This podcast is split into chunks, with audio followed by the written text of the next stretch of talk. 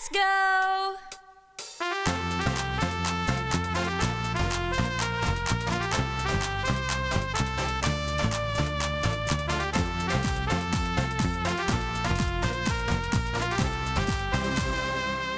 Podcast Osaka.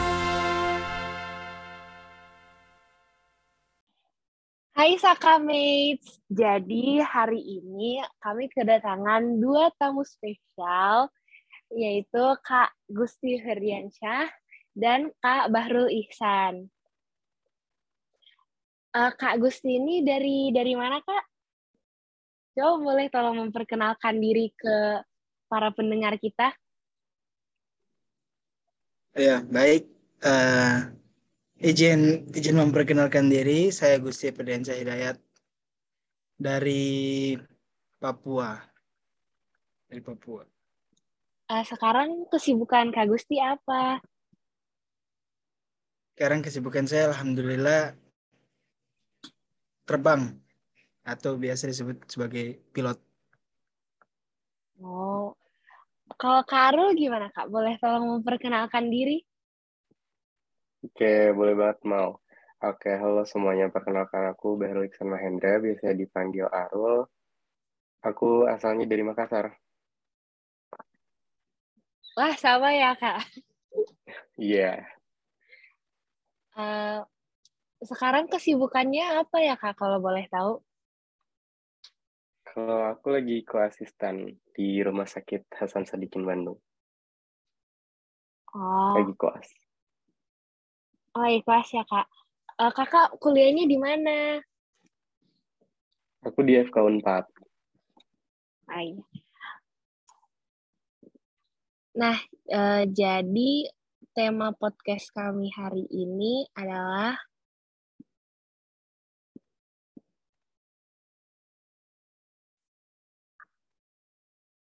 Eh, di tema di podcast kami kali ini episode 2 kami akan membahas mengenai hubungan minat dan bakat sebagai parameter pemilihan kuliah dan berbagai alternatif pilihan jurusan dalam mengakomodasi mi- minat. Eh, jadi eh, boleh nanya nggak kak? Pas SMA kenapa bisa kepikiran untuk ke jurusan itu gitu? Mulai dari Kak Gusti deh. Oke, baik. Eh, waktu SMA awalnya awalnya kakak belum ada kepikiran buat sekolah penerbangan gitu. Eh, karena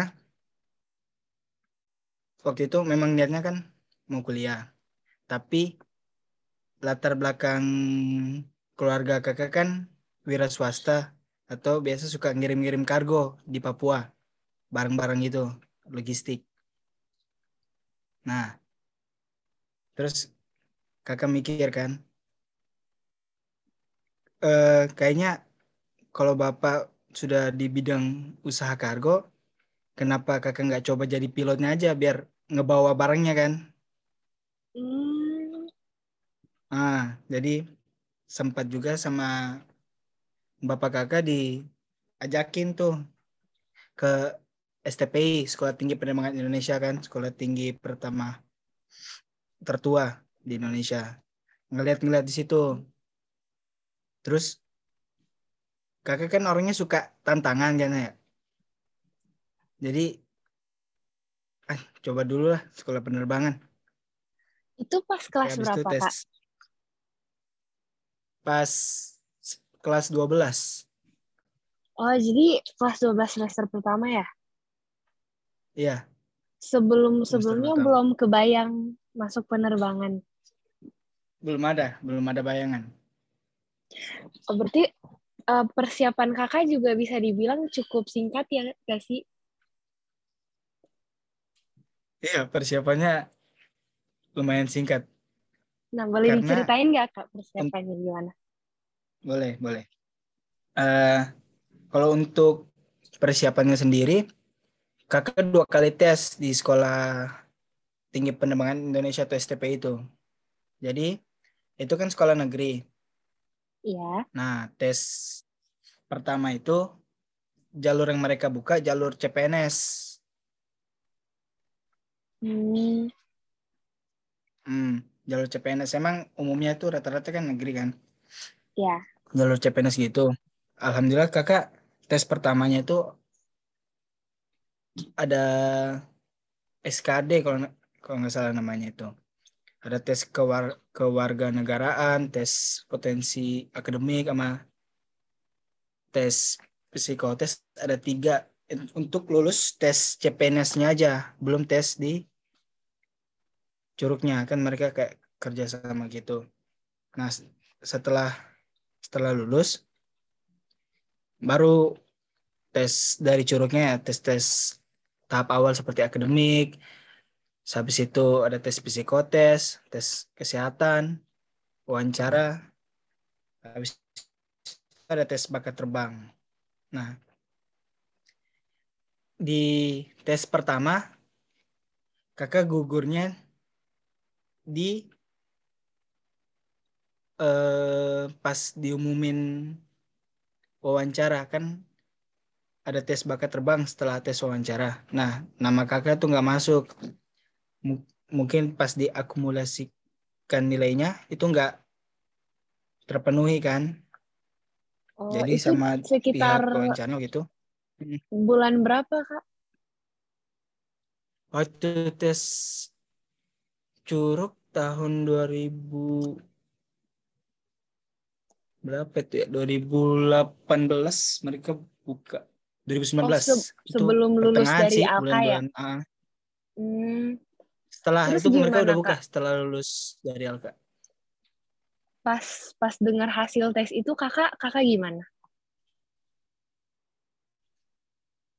Alhamdulillah, maksudnya nggak nyangka gitu.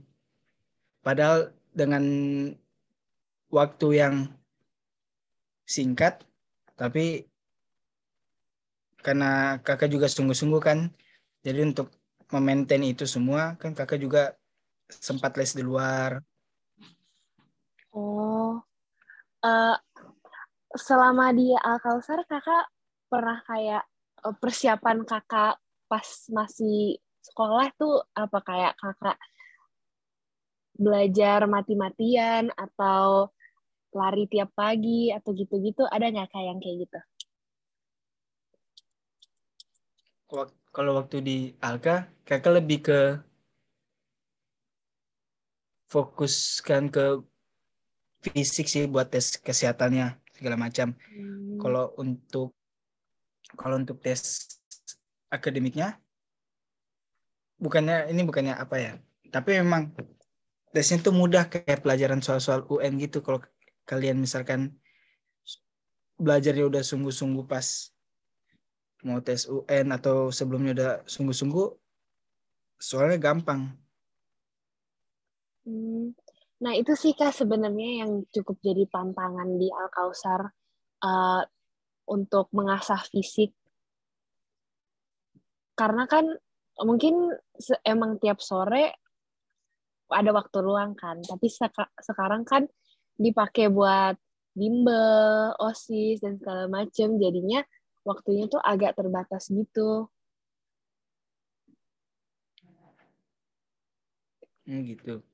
Iya, jadi menurut kakak gimana kak? Kalau misalnya ada yang emang mau masuk sekolah sekolah penerbangan juga, kayak eh, fisik mereka tuh harus di kondisi kayak seperti apa yang kayak se segimana gitu. Hmm. Kalau untuk tes fisik nggak usah terlalu bagus-bagus banget. Setidaknya kan di situ tes fisiknya tuh ada dibagi-bagi ya. Ada tes push up, sit up, terus tes lari. Nah, kalau lebih kalau push up itu mereka biasanya kalau waktu kakak itu 41 42 itu udah minimal. Udah bagus. Sit up sit up sekian 50 minimal. Kalau untuk la- apa lari 12 menit tuh sekitar berapa ya? dua kilo atau dua setengah kilo itu minimal kita dapat enam lah itu udah bagus untuk untuk lari.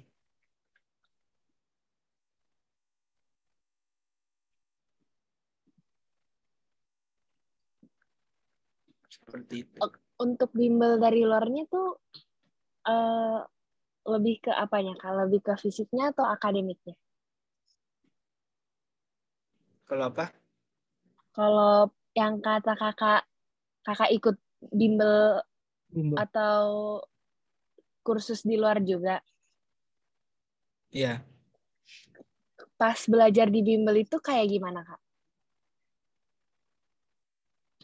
Eh, waktu tes belajar bimbel tuh kakak lebih fokus ke matematika, bahasa Indonesia, bahasa Inggris sama fisika. Oh, jadi nggak nggak ada fisik di situ ya?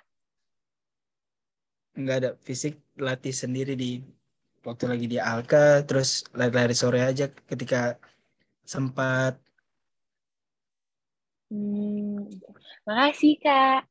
Mas, Iya, sama-sama. eh, sekarang sebelum lanjut ke pertanyaan berikutnya, eh, kalau Kak Arul gimana kak? Kenapa bisa Oke. memilih FK Unpad? Kenapa bisa memilih account Puff? Sebenarnya eh, ceritanya lumayan panjang. ya. Cuma eh, kalau kenapa FK-nya karena mungkin ada background kesehatan dari kedua orang tua. Jadi pasti ada ya ada dorongan-dorongan yang membuat saya terpikirkanlah FK menjadi salah satu pilihan. Dari sekian banyak pilihan-pilihan yang saya tertarik dulu. Gitu.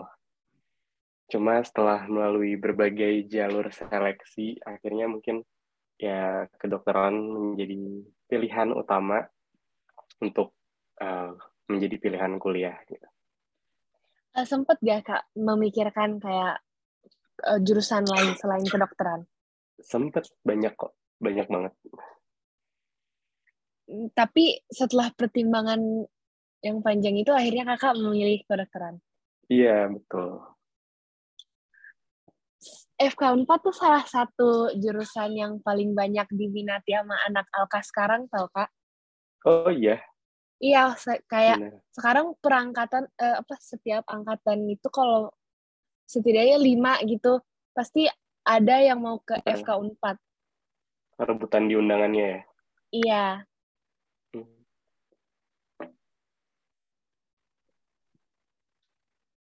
Ada selain mempertimbangkan jurusan eh, jurusan apa lagi kayak yang kakak pertimbangin selain FK 4? Sebenarnya eh, mungkin karena minat, eh karena suka banget sama gedung-gedung tinggi dulu tuh. Kalau Iya. nggak teknik sipil, arsitek. Cuma kayak nyadar diri aja potensi. Aku kayaknya nggak bisa bertahan kalau misalnya di jurusan-jurusan teknik karena emang basic fisika aku tuh dulu bener-bener rendah. Jadi kayak ya tidak terlanjutkan lah pilihan-pilihan itu. Oh, sebenarnya itu juga sih kak sekarang eh, banyak masalah itu banyak terjadi di anak-anak Alkalsar sekarang. Jadi kayak di antara mimpi dan realita itu kebanyakan kita tuh masih mau mengejar mimpi tapi belum bisa lihat realita yang sebenarnya gimana. Iya sih, bener banget. Makanya jadi kalau buat milih hmm, buat jurusan menurutku tuh banyak hal banget yang harus dipertimbangkan, nggak dari satu sisi aja, nggak jangan ngutamain. Eh, mungkin boleh sih ngutamain mimpi kamu, tapi kamu kalau harus ngeliat eh, faktor-faktor lainnya, apakah orang tua kamu support, apakah lingkungan kamu support, apakah kamunya bisa, atau apakah emang itu yang sedang dibutuhkan di lingkungan kamu? Karena misalnya kalau kamu buta akan sekeliling itu faktor-faktor tadi sebenarnya uh, mungkin jurusan yang kamu pilih itu bukan menjadi tujuan akhir dari apa yang ingin kamu capai tapi cuma sekedar kuliah tapi nanti kamu akhirnya uh, kerjanya apa? Kebetulan sekarang tuh banyak banget murid Alka yang apa ya agak tertarik banget dengan tiga tiga kuliah top 3 itu yang kayak UGM, IPB, UI gitu kan Hmm. kak. Dan Iya. sedangkan kayak dari Alka sendiri, kalau untuk SNMPTN ke mungkin ke situ agak jauh karena selain faktor wilayah gitu kan. Mhm. Nah, tapi menurut kakak gimana dengan pendapat itu? Dengan orang-orang yang terlalu terfokuskan di kuliah, kampus apa yang mau mereka tuju? Maksudnya Oh, mungkin itu emang ya, kampus minded ya. iya kampus minded kayak mungkin emang benar kampus itu bagus, tapi eh, terlalu fokus di situ sampai kayak melupakan peluang-peluang yang lain. Hmm, sebenarnya menurutku nggak apa-apa sih terlalu kampus minded karena setiap orang tuh punya preferensi lingkungan untuk mereka belajar masing-masing ya. Takutnya kalau mereka tidak sesuai keinginan mereka nanti pas sampai sana, waduh, jadi malah apa ya, males-malesan. Jadi ujung-ujungnya nanti malah dia retake lagi tahun depan, SBMPTN lagi kan jadinya buang-buang waktu. Hmm, Hmm, untuk iya mengejar mimpi untuk kampus apa yang kamu pengen nggak apa-apa sih asal kamu bisa eh, berjuang aja untuk ngedapetin Oh iya iya. Kakak waktu itu eh, waktu mau milih FK Unpad eh, apa ya kayak ada nggak kayak kampus lain yang kakak pengen banget ke situ tapi ujung-ujungnya oh ya udah FK Unpad aja gitu. Ada. Dulu UGM minded banget aku. Oh pokoknya iya. harus FK UGM sampai udah berapa kali utul ya utul kesekian kalinya. Tapi emang emang yang itu di tahun 2017 kan. Makanya pas di eh, tidak dapat makanya mengulang lagi setahun. Tapi malah berubah pikiran karena mungkin dari lingkungannya ya lingkungan pas aku bimbel setahun itu kayak oh ternyata nggak harus di UGM kok. Oh ada tempat lain. Ya udah Apa yang bikin kakak sadar dan rela gitu kalau oh nggak harus UGM kok gitu.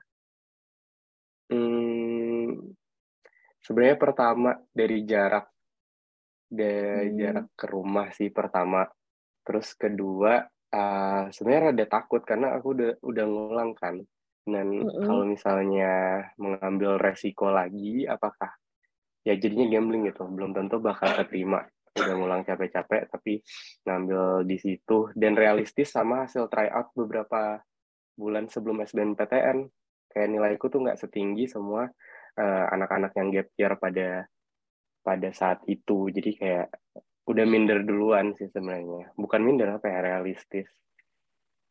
Ya an- Oh, antara dua itu deh.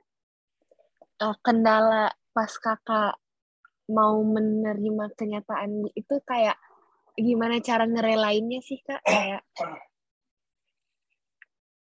buat cara ngerelain oh maksudnya nggak harus di UGM ya iya hmm, caranya dari Hmm. yang kayak oh ternyata kampus lain juga bagus kok ada Hmm. ada hikmah yang ada di situ kayak Hmm. emang itu rezekinya gitu ya mungkin ya mungkin dulu kenapa aku mikirnya harus UGM banget mungkin gengsi karena ya ya top tuh lah UGM sama UI kan. Iya sih. FK mungkin setelah menjalani satu tahun lebih banyak berpikir aja oh gue nggak harus gengsi gitu. Aku nggak harus gengsi buat masuk ke perguruan tinggi mana pun. Kalau misalnya ya nggak bisa ya udah nggak apa-apa. Nurunin ego sama gengsi aja Wah. terima kasih kak. Iya. Jadi ada pertanyaan lagi nih. Eh, untuk Kak Gusti bagaimana keluh kesah kakak dalam proses masuk ke akademi? Dan mengingat lagi kebetulan salah satu tantangan terbesar lulusan Al-Kausar itu Al-Kausar kan sangat berorientasi ke perkuliahan kan S1 apa-apa pasti yang kayak SNMPTN, SBMPTN dan jujur aja untuk eh, ke akademi-akademi kayak gitu kurang dari Al-Kausarnya sendiri. Gimana cara kakak kayak apa sih keluh kesah yang dulu kakak alamin gitu? untuk untuk keluh kesahnya ya, pas Iya. masuk akademik eh kalau keluh kesahnya sih jadi dulu di waktu di angkatan di angkatan aku kan mereka waktu itu pada sibuk ini kan apa ngikut bimbel gitu nah aku kan nggak Iya. nggak ikut itu bimbel bimbel gitu kan Iya. aku nggak ikut bimbel gitu aku lebih ke apa ya bahasanya lebih mensupport teman-teman aku aja. Jadi dari segi eh, apa dari segi makanan ketika me- mereka setelah bimbel aku pakai konsep ini apa membuat orang membuat orang apa memberi kemudahan ke orang lain pasti nanti kita akan diberikan kemudahan lagi. Aku pakai konsep kayak gitu. Hmm, Terus, nah untuk kalau waktu itu kan aku juga sempat daftar swasta kan di Status Kia. oh iya. Iya, Status Kia, tapi bersamaan dengan waktu penerimaan di Curug, aku lebih milih lebih milih yang Curug kan. Terus gimana Kak? Kayak se- setelah itu gimana? Setelah setelah itu Stay Taskianya kakak eh, kan nggak jadi ngambil nih. Selain Stay Taskia Ya, ada nggak lagi nggak kak yang kakak daftar gitu? waktu itu ada juga UB, tapi UB nggak SBMPTN nggak lolos kan UB. Iya. Oh jadi kakak tetap ikut SBMPTN? ikut tetap ikut jadi mencoba aja kan kita nggak tahu memang juga takdir di mana nih? Tapi dengan usaha dengan dilihat usahanya kan? Iya. udah UB nggak lolos Taskia lolos jalur raport. Curug lolos juga. Jadi pas sudah diskusi sama orang tua juga kata orang tua udah terserah kamu udah saya ambil curug aja sekolah penerbangan karena tertarik gitu kan kayaknya beda sendiri menarik ini jadi pilot Bener juga sih kak. Sebenarnya emang sekarang tuh anak Alka juga masih banyak yang ragu kalau misalnya mau ngambil. eh sebenarnya pasti banyak beberapa yang mau ngambil pendidikan semacam itu kan.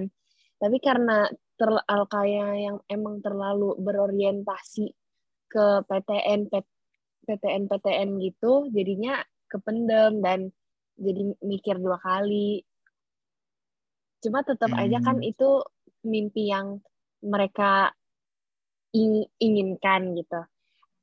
ya Kakak ada saran nggak untuk mereka-mereka yang kayak yang sedang mengalami itu?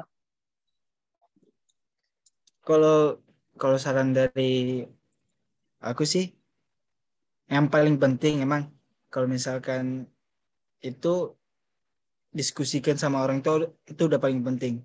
Dulu kakak juga mau tes apa-apa ridho orang tua emang paling penting kalau satu menurut kakak kan. Terus jangan jangan gengsi kalau menurut kakak ya. Misalkan eh, dia malu nih kalau nggak keterima top 3 lah eh, universitas di Indonesia kan. Dia malu nih dia gengsi nggak keterima. Jangan jangan gengsi. Karena kalau gengsi sendiri itu bisa membunuh impianmu sendiri gitu. Kecuali dilihat dari usahanya sendiri. Kalau emang usahanya udah maksimal kan re- realitanya kan kalau misalkan itu usaha maksimal mungkin bisa dapat di ini. Tapi kalau misalkan nggak keterima juga ingin mencoba lagi nggak apa-apa mencoba. Tapi yang penting jangan gengsi. Satu jangan pertama ini apa ridho orang tua. Yang kedua jangan gengsi aja untuk memilih universitas selain top 3 itu. Iya sih kak, bener juga. Karena emang kalau gengsi tuh pasti eh, apa untuk melihat yang lain tuh jadi lebih ketutup gitu kan. Iya. Bagaimana kalau kakak nih, kakak sendiri milih penerbangan.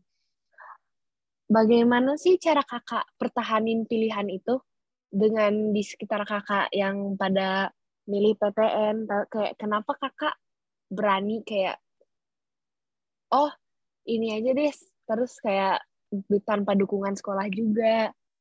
Gimana tuh kak? Kalau oh kalau kakak karena ini faktor apa ya?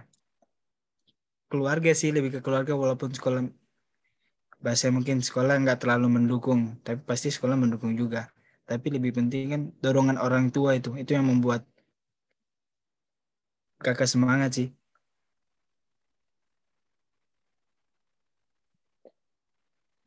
Kalau pengalaman kakak selama me- menjalani pendidikan itu gimana kak?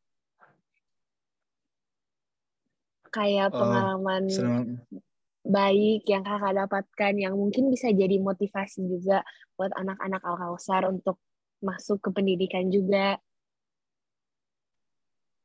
Hmm, ini eh, ketika udah masuk ini ceritanya menjalani Ya. pendidikan di STPI. Iya. Jadi kan eh kakak kan pendidikan nih selama dua tahun setengah, dua tahun setengah kan, dan pendidikan di sana itu semi militer. Jadi dan di asrama juga eh sudah tertata lah, sudah dari bangun paginya setengah lima jam empat, terus kita harus kumpul dulu di lapangan, ya kan? Jam lima. Iya. lari pagi dulu sampai jam 6 sampai setengah 6 jam 6 setelah itu setelah lari pagi baris lagi cek kelengkapan anggota kan? Lengkap. Eh course-nya atau angkatannya boleh turun. Boleh turun balik ke barak barak atau asrama bersih-bersih untuk persiapan makan di ruang makan. Setengah tujuh jam enam setengah tujuh udah di ruang makan. Makan jam 7 kembali lagi ke lapangan apel lakukan apel pagi. Nah setelah apel pagi baru ke tempat pendidikannya masing-masing. Jadi di STP itu bukan hanya sekolah penerbangan aja. Dia ada bukan hanya jurusan penerbang aja dia ada empat jurusan STP itu. Apa aja tuh kak? Jadi jurusan pertama pasti penerbang, terus kedua teknik penerbangan, ketiga itu keselamatan penerbangan, sama yang terakhir manajemen penerbangan. Dan itu dibagi-bagi lagi. Oh dan kakak emang gak tertarik ke yang selain yang penerbangan itu? Iya, Ketiga lainnya. yang jurusan penerbang aja. Oh, kalau misalnya salah satu pengalaman yang benar-benar berkesan banget tuh di di pas kakak pendidikan kayak misalnya pas kelulusan atau pas ngapain gitu yang benar-benar bikin kakak yang kayak wah gitu yang sampai ya gitu sampai benar-benar yang kayak oh ini bukan pilihan yang salah ini emang tempat saya di sini gitu. Ada nggak kak yang kayak gitu?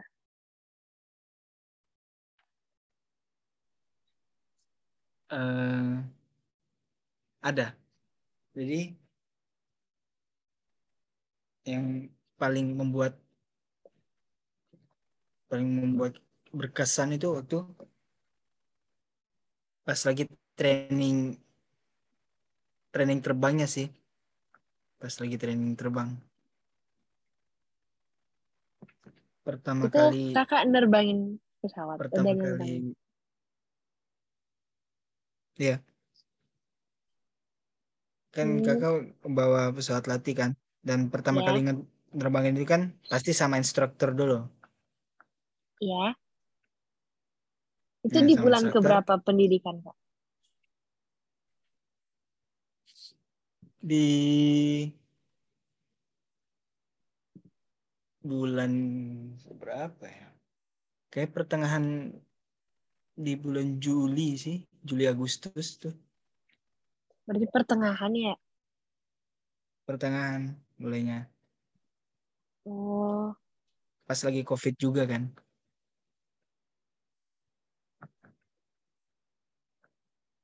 oh, Kak mau nanya nih.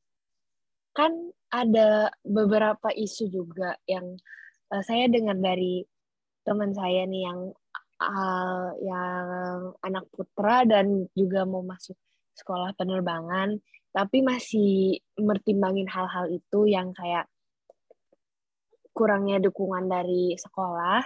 Sama ada satu lagi, eh, kebetulan karena pandemi ini ada kayak beberapa takut kayak kan sempat ada tuh berita-berita beberapa pilot yang dirumahkan gitu kan. Nganggur. Iya, Iya. nganggur kan.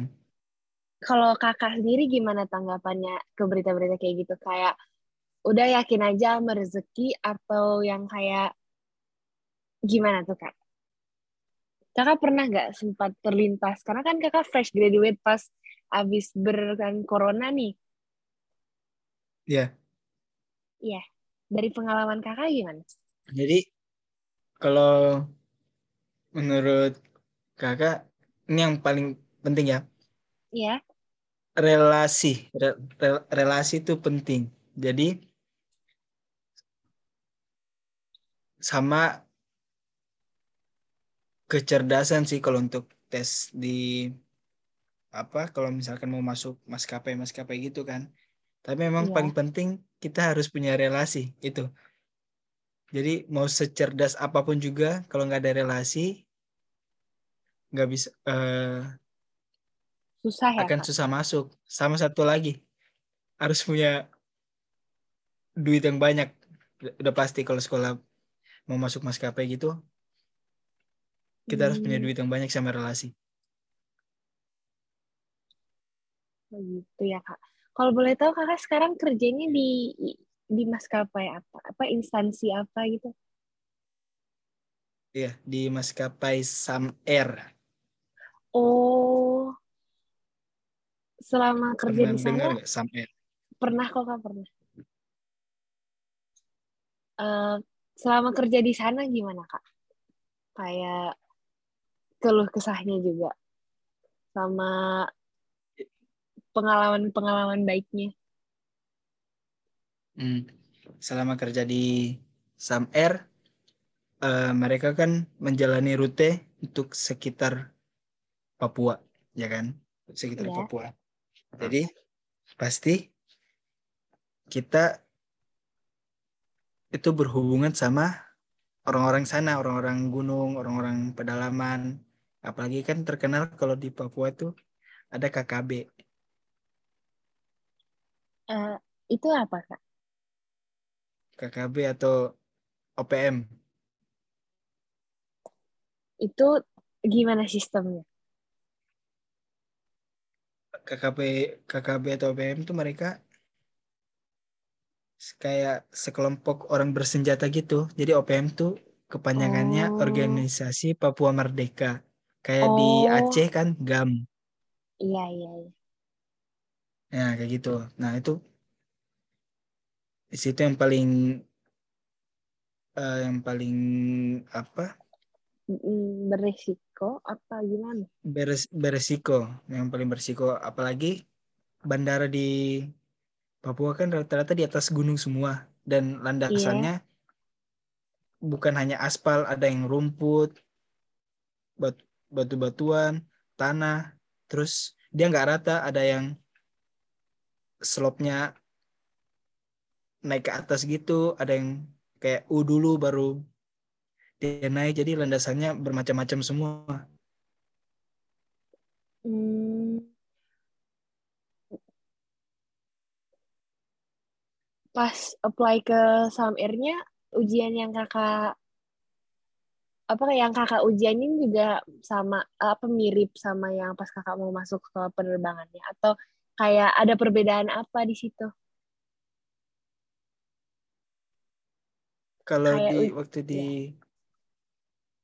apa, Ujian untuk tes Itu untuk masuk daftar. ke iya daftar Samir. ah, maskapai maskapai kan daftar Iya. maskapai memang agak berbeda waktu tes di sekolah penerbangan kalau daftar maskapai itu mereka prefer eh, pertanyaannya tuh pertanyaan-pertanyaan basic waktu lagi penerbangan semacam ada namanya CASR lah terus mereka nanya-nanya ngitung. Jadi kayak fisika gitu rute dari poin ini ke poin ini berapa.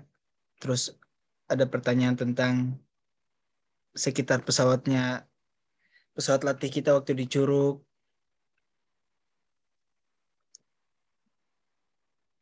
terus nanya-nanya peraturan penerbangan juga.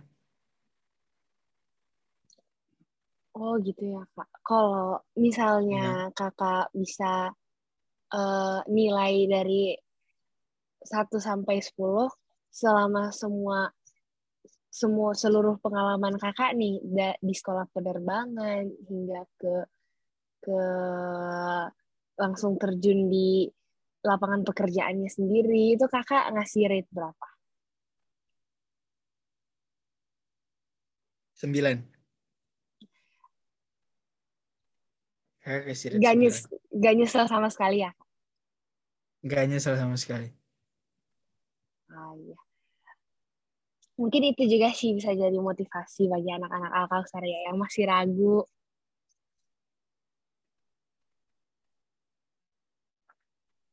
Nah, eh, lanjut ke pertanyaan berikutnya untuk Kak Arul. Oke, Eh, sebelum itu mau nanya, pas kakak di Al-Kausar, lingkungan belajar yang mendukung kakak untuk masuk di jurusan kakak sekarang tuh gimana? Coba boleh diceritain nggak kak? Hmm, gimana ya? Kalau dibilang seperti itu, sepertinya agak salah sih sebenarnya. Soalnya, eh, tapi ke lingkungan belajar di Al-Kausar, kalau di angkatanku dulu, suportif sih sebenarnya. Sebenarnya Kalau kita mau belajar, kalau mau ada ujian doang, tapi belajarnya itu belajar bareng, saling ngajarin. Oh gitu ya kak. Iya, Eh, sama ini nih, kan eh, sekarang ini setelah berka- beberapa kali saya berkonsultasi di BK, itu tuh eh, saran dari gurunya me- mengarah ke Mhm. nilai saya, misalnya karena saya anak IPS, jadi Mhm. nilai saya lebih tinggi di bidang, misalnya lebih tinggi di bidang sosiologi dibanding ekonomi, saya disuruhnya masuk ke jurusan-jurusan yang lebih sosial aja dibandingnya kayak manajemen Hmm. dan lain-lain. Nah, kalau dulu kakak pas kan kakak mau kedokteran nih, iya. itu juga nilai kakak itu salah satu faktor pertimbangan nggak kak? Atau kayak misalnya melihat kalau di IPA kan biologi, kimia, fisika. Iya. Sebenarnya nilai jadi salah satu pertimbangan, tapi kalau buat FK sebenarnya FK kan utamanya biologi. Dulu sebenarnya nilai biologi aku nggak terlalu tinggi-tinggi banget sih, atau nggak tahu mungkin pada masa itu ujiannya emang susah banget, tapi emang nggak terlalu tinggi, tapi ya lumayan lah daripada fisika. Makanya ambilnya jurusan yang ya udah kalau nggak, pokoknya fisika udah skip banget, pokoknya jangan ada fisika tapi nggak terlalu mempertimbangkan nilai.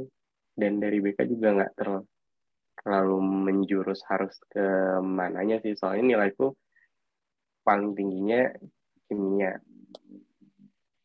Oh gitu ya kak. jadi tapi nggak terlalu besar porsi untuk uh, menjadi pertimbangan.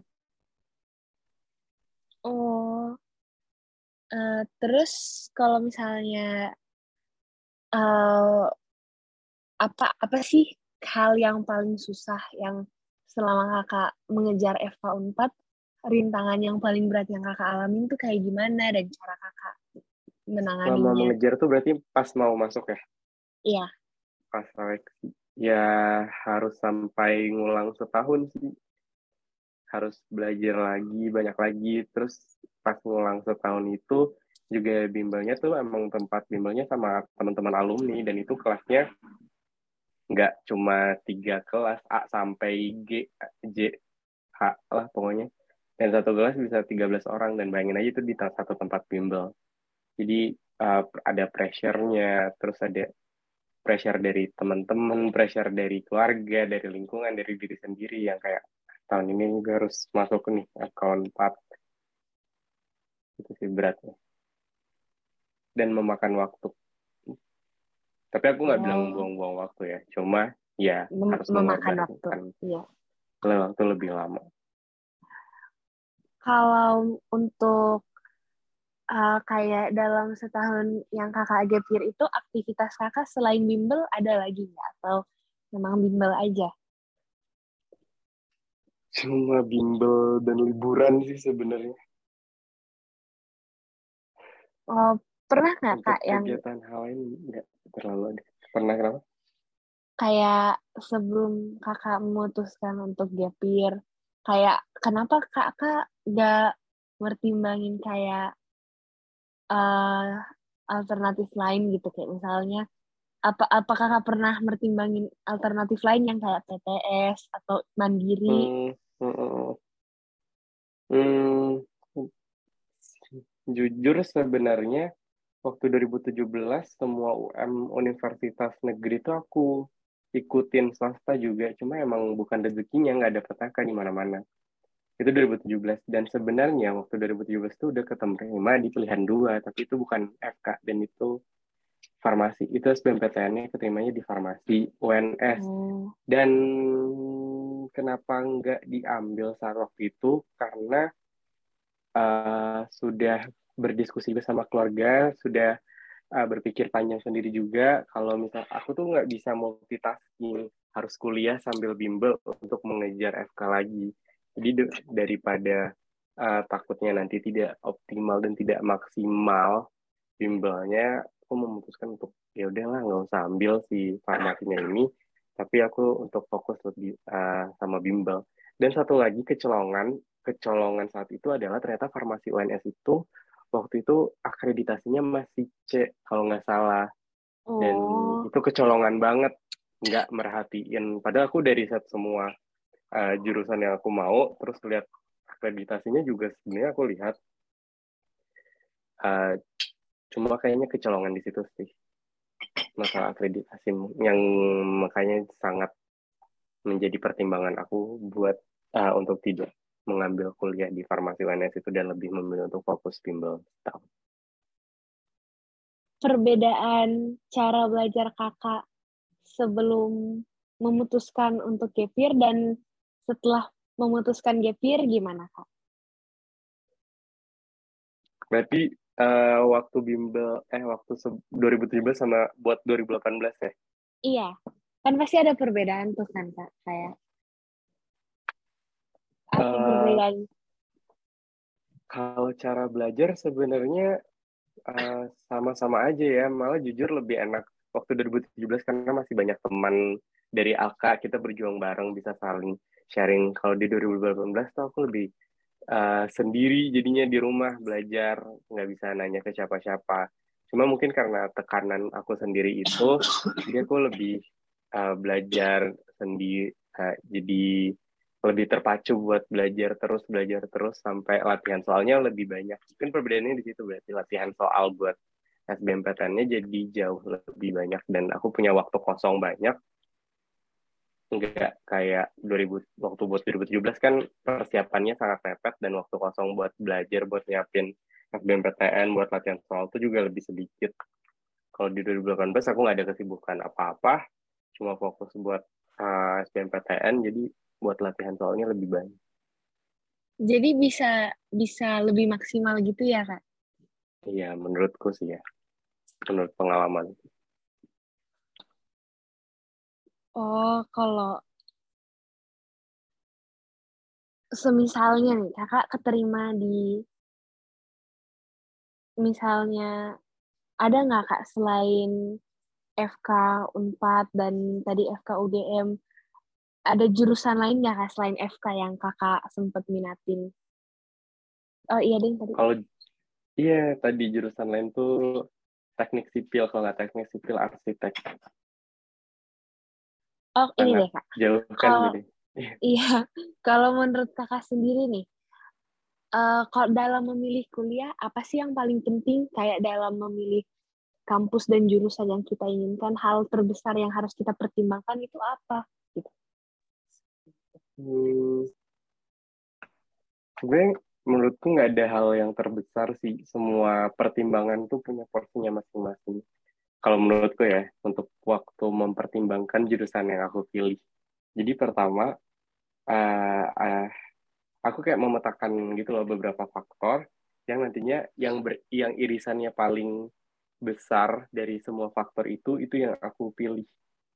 Jadi kayak eh, apa yang orang tua atau keluarga aku dukung, apa yang aku minati, tapi apa yang aku minati itu eh, lebih tinggi sih sebenarnya porsinya. Apa yang aku minati, eh, terus aku riset dulu nih semua jurusan-jurusan yang aku minati dari mata pelajaran yang akan aku hadapin apa aja, terus eh, akreditasinya, terus kampusnya di mana aku riset-riset dulu.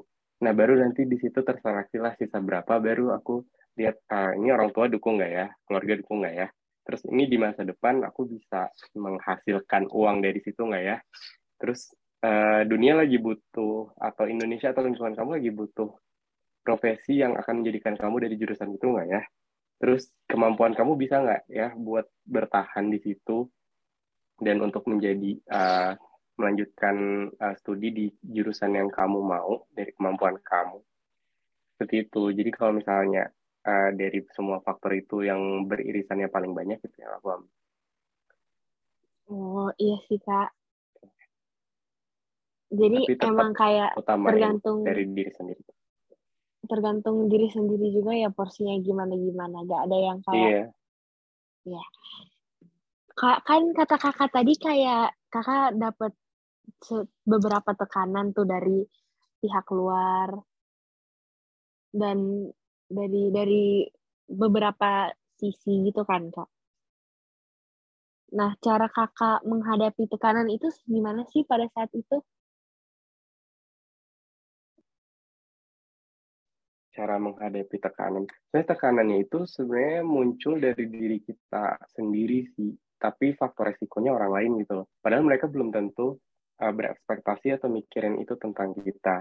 Jadi lebih ke hmm, uh, lebih mikir ya udah apa pun hasilnya nanti ya udah terima gitu. Itu bukan suatu kegagalan dan cuma tertunda aja dan apa pun hasilnya nanti ya benar-benar harus terima Berarti ikhlas dan ya? nggak tang ya ikhlas sama nggak usah terlalu mikirin uh, pemikiran orang atau ekspektasi orang tentang kita karena ya itu bukan sesuatu hal yang bisa kita kontrol jadi penting kontrol apa yang bisa kita kontrol usaha kita buat ngejar apa yang kita mau Gitu sih. Nah iya kebetulan juga emang ekspektasi orang itu juga jadi tekanan yang berat di murid-murid Alkalsat Iya. sekarang. Iya sangat Dan Ya, paham jujur banget. kan emang emang salah satu cara buat nge-overcome itu itu dari diri kita sendiri kan kayak nggak usah didengerin betul. prioritasin diri kita sendiri. Tapi tetap aja itu itu pasti susah. Betul butuh waktu kok butuh prosesnya Butuh itu waktu, ya. nggak sebentar. Pelajaran yang paling berharga yang kakak dapatkan yang bisa kakak share nih ke murid-murid Al-Kausar ada nggak tentang tentang pengalaman kakak selama mengejar PTN? Hmm, kalau pelajaran yang paling uh, berkesan ya usaha tidak akan mengkhianati hasil sih sebenarnya. Harus selalu berjuang buat apa yang kalian mau.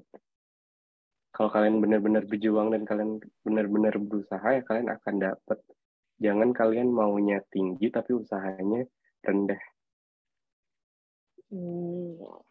Makasih banyak ya, Kak. Iya. Pasti banyak nih dari Saka Mates yang termotivasi setelah mendengar obrolan ini yang masih bingung-bingung milih jurusan, yang masih ragu, yang masih mengutamakan gengsi.